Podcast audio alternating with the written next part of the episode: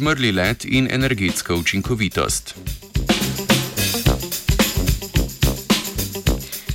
V današnjem zbritofu bomo govorili o čmrlih, natančneje njihovem letenju, raziskovanju katerega se je posvetila znanstvena skupina iz Univerze v Kaliforniji, izsledke raziskave pa so objavili v reviji Science Advances.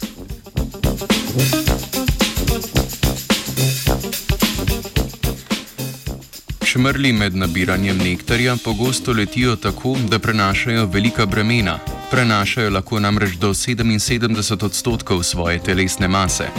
Dosedanje raziskave so predvidele, da se poraba energije med letenjem linearno povečuje s težo, ki jo čmrli nosijo.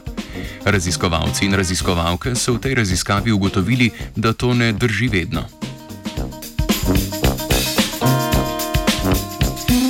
V raziskavi je sodelovalo 30 čmrljev delavcev. Raziskovalci in raziskovalke pa so v merilni komori spremljali njihov let. Pred letom so čmrli na sebi že imeli nabran nektar, nekaterim osebkom pa so pred letom naložili še dodatno breme v obliki kovinske žičke.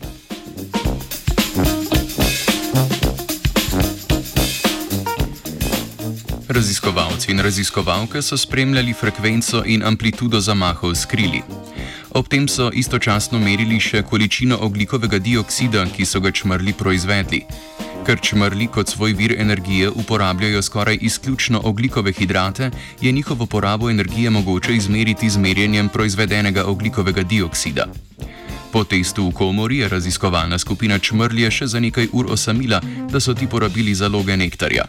Tako so raziskovalci lahko izračunali maso čmrljev in težo nektarja, ki so jo ti nosili pred testiranjem. S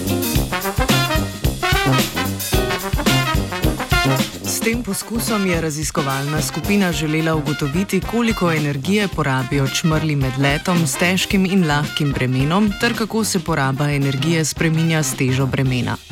Pri osebkih z večjim bremenom se je amplituda zamahov skrili povečala v vseh primerih, pri čemer pa se ni nujno povečalo tudi število zamahov.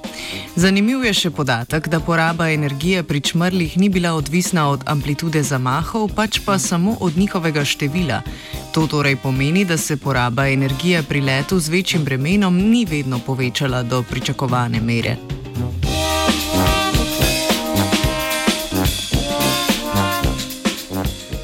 Rezultati raziskave kažejo na to, da nekateri čmrli ob letenju s težkim bremenom ne ustvarijo večje hitrosti s pogostejšimi zamahi kril, pač pa izberejo nek drug mehanizem, s katerim povečajo ustvarjeno silo. Raziskovalna skupina pri tem ni ugotovila izvora te dodatne sile, predvideva pa, da čmrli ustvarijo dodatne aerodinamske sile, ki povečajo vzgon in čmrljem pomagajo ostati v zraku. Ta način letenja je energijsko varčen, raziskovalna skupina pa predvideva, da sabo prinese druge negativne posledice. Proizvodnja sile bi lahko namreč zmanjšala stabilnost ali manevrabilnost med letom ali pa negativno vplivala na kak drug dejavnik.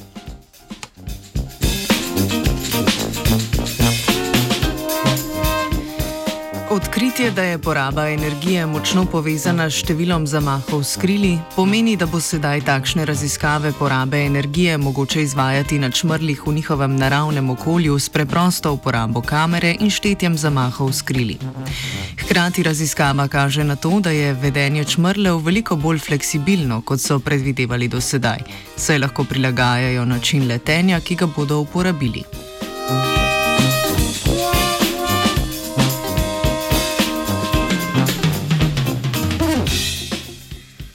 Čmrli je letala Kaja.